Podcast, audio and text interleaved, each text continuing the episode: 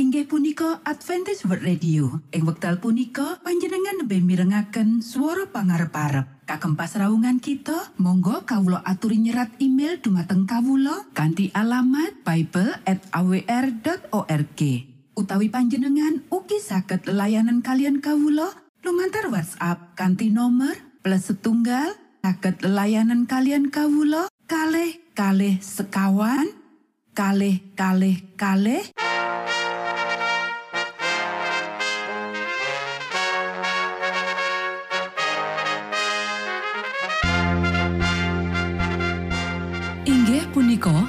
Adventist World Radio ingkang giaran kanti basa Jawi.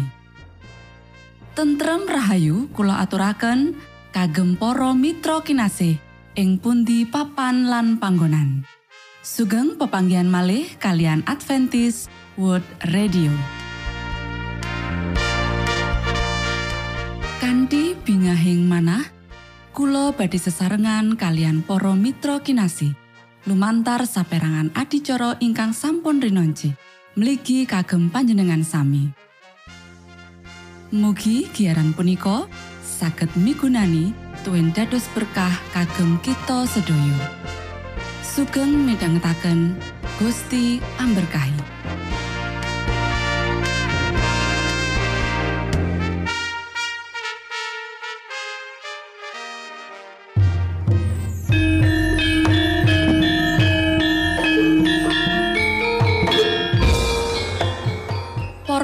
Pamirsa kinasih ing Gusti Yesus Kristus. Ing wekdal punika kita badhe sesarengan ing adicara ruang kesehatan. Ingkang saestu migunani kagem panjenengan saha kita sami. Tips utawi pitedah ingkang dipun aturaken ing program punika tetales dawuhipun Gusti ingkang dipunnyatakaken ing kitab suci. Semanten ugi sakehing seratan ingkang dipun wangsitaken dening Gusti Allah. Nanging saderengipun, monggo kita sami midhangetaken kidung pujian.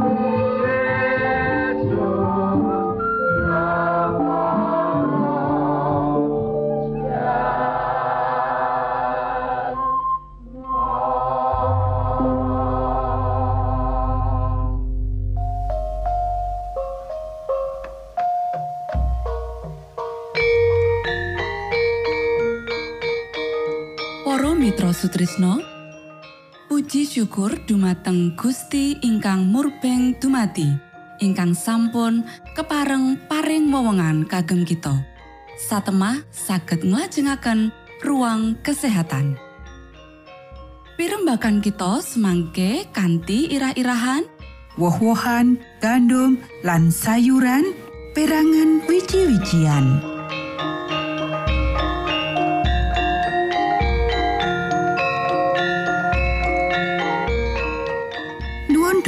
Para pamiarsa kakung saha putri ingkang dahat kinurmatan sugeng pepanggian malih kalian kula Isti Kurnaidi ing adicara ruang kesehatan.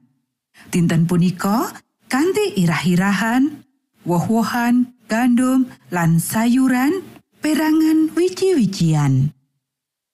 Para sedherek ingkang kinasih panganan kang dipilih dening sang pangripta kanggo kita ya iku woh-wohan wiji-wijian, lan kacang-kacangan uga sayuran. Iki minangka panganan sing paling enak lan nyihatake yang dicawesake kanthi alami lan kanthi cara sing prasaja. Panganan iki ngasilake tenaga, daya tahan lan kekuatan akal sing ora ditemokake ing panganan sing ruwet lan ngrangsang. Para sederek, Wong kang mangan daging mung mangan wiji-wijian lan sayuran turah-turahan. Awit kewan-kewan iku oleh gizi kang nuwuhake. Unsur urip pindah saka wiji-wijian lan sayuran menyang awake sing mangan. Kita nampani kanthi mangan daging kewan. Luwih becik yen kita antuk langsung kanthi mangan panganan sing diparingake dening Gusti Allah kanggo kita. Para sedherek ingkang kinasih, salah menawa kita nduweni panganggep yen kekuatan otot kumantung marang gunakake panganan daging. Tanpa nggunakake panganan daging, kabutuhan awak bisa dicukupi lan kasarasan sing luwih apik bisa dinikmati.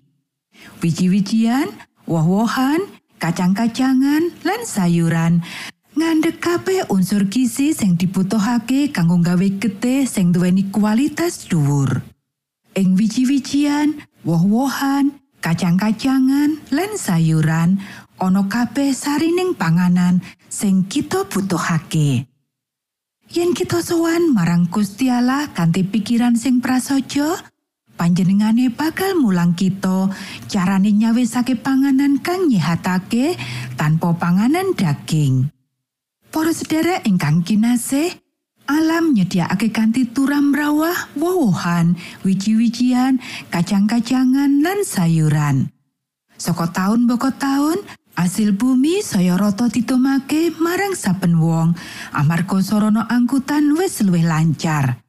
Akibate akeh panganan sing sawetara taun kepungkur dianggap menangka panganan mewah sing larang, saiki bisa digayo saben wong minangka panganan saben dina. Para sederek menawa kita ngrancang kanthi wicaksana, panganan sing paling apik kanggo kasarasan bisa ditemokake ing meh kabeh negara. Panganan kayata beras, gandum, jagung lan klepung dikirim menyang ngendi wae.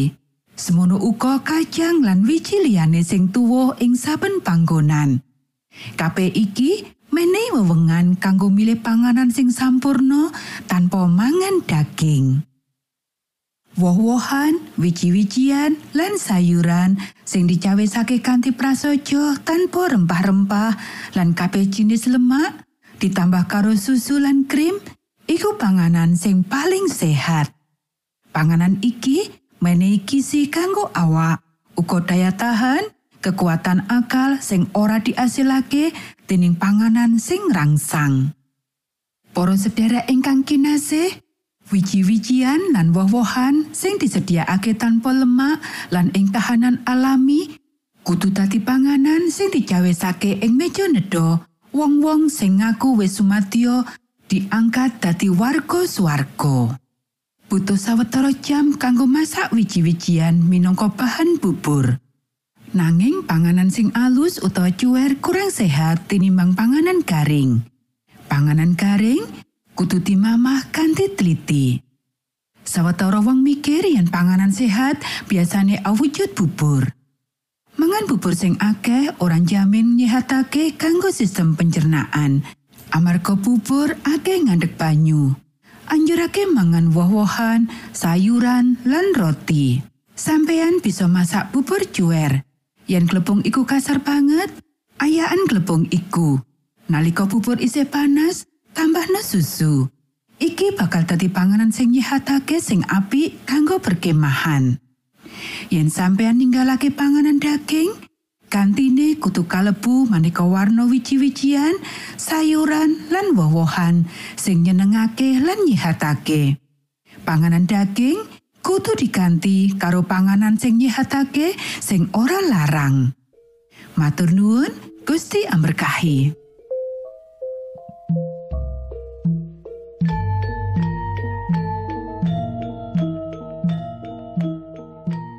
Cekap semanten pimbakan ruang kesehatan ing episode dinten punika.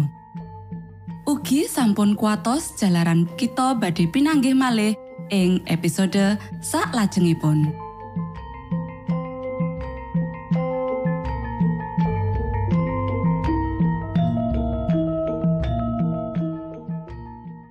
inggih punika adicara ruang kesehatan.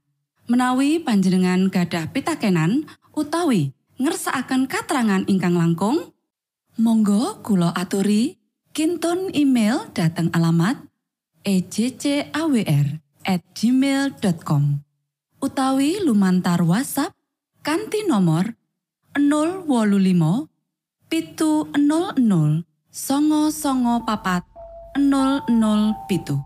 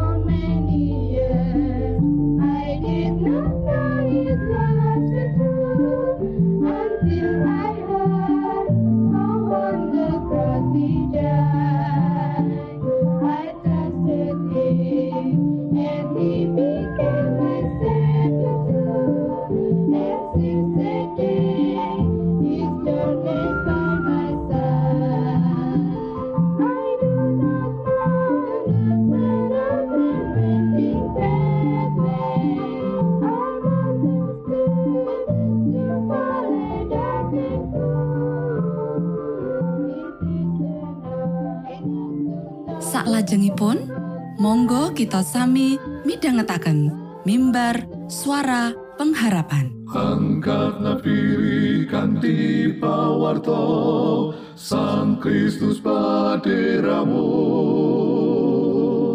Pro umat samyo puji asmanyo Sang Kristus paderamu Inggih punika mimbar suara pengharapan. Ing episode punika kanthi irah-irahan. Panentang ageng wonten ing serat-seratan Rasul Paulus. sugeng minangka tondo Sang Kristus paderamu ilmu kawero tambah tambah Sang Kristus paderamu paderamu paderamu Sang Kristus paderamu Shalom, para pamiarsa ingkang kinasih wonten ing Gusti. Sakmenika kita badhe mitangetaken renungan Sabda pangantikanipun Gusti. Ing dinten punika kanthi irah-irahan panentang ageng wonten ing serat-seratan Rasul Paulus.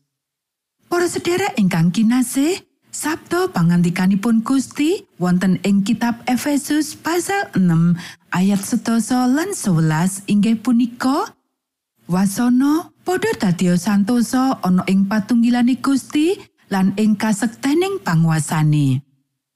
Padha sikepa prapoting prangi Gusti Allah supaya kowe bisa ndahi gelar kaculikane iblis.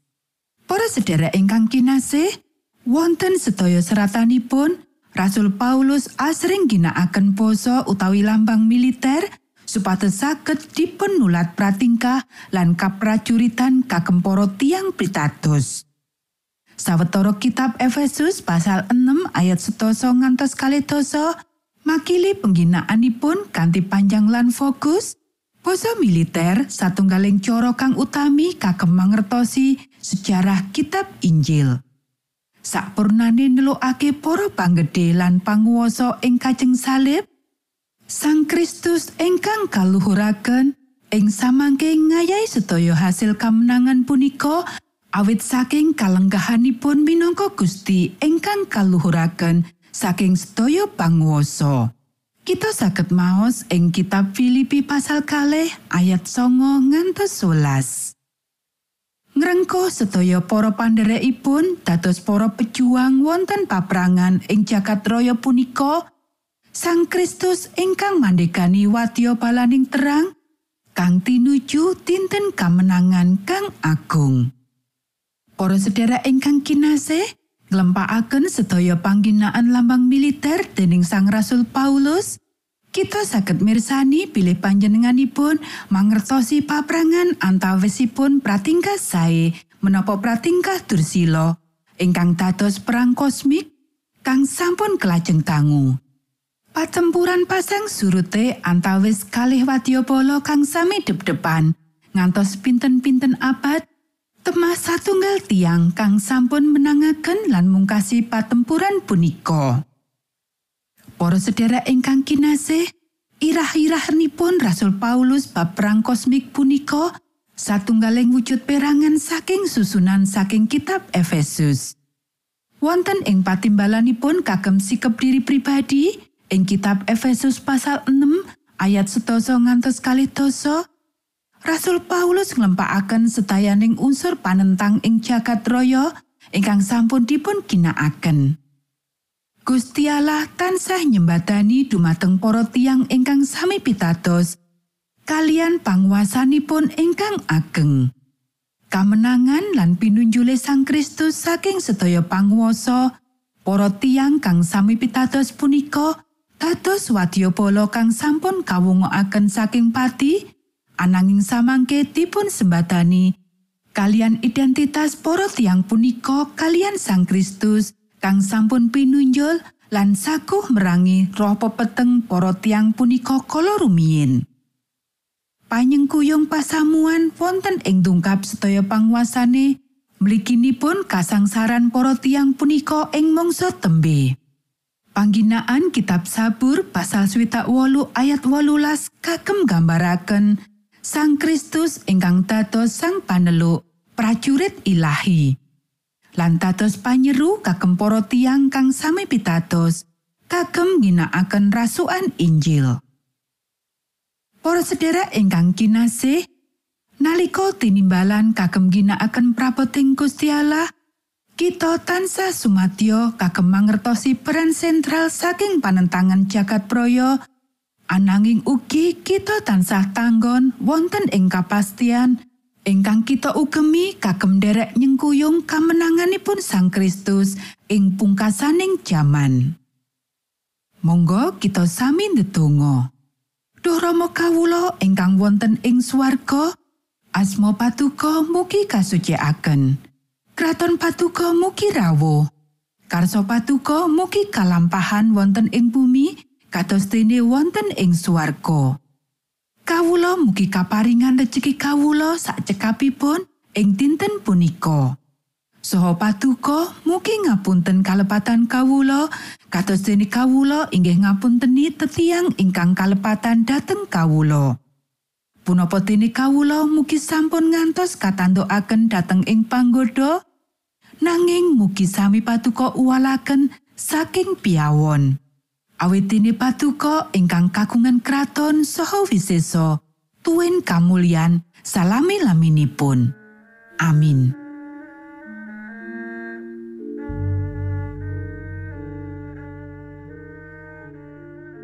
Para Mitra Sutrisno pamiarsa kinasih ing Gusti Yesus Kristus. sampun paripurno pasamuan kita ing dinten punika. Menawi panjenengan gadah pitakenan utawi ngersaakan seri pelajaran Alkitab suara nubuatan, Monggo Kulo aturi kinton email dateng alamat ejcawr@ gmail.com utawi lumantar WhatsApp kanti nomor 025 pitu 00 songo songo papat enol nol pitu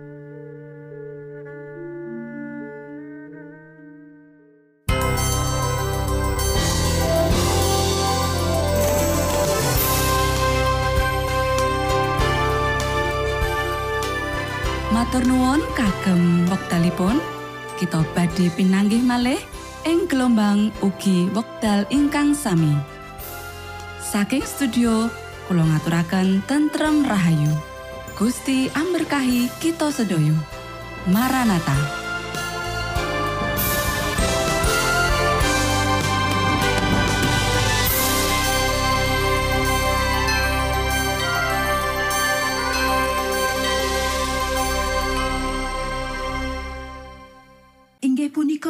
Adventist World Radio. Ing wekdal punika panjenengan nembe mirengaken swara pangarep-arep. Kagem pasraungan kita, monggo kawula aturi nyerat email dumateng kawula kanthi alamat bible@awr.org. Utawi panjenengan ugi saged layanan kalian kawula lumantar WhatsApp kanthi nomor plus setunggal saged layanan kalian kawula kalih kalih sekawan kalih kalih kalih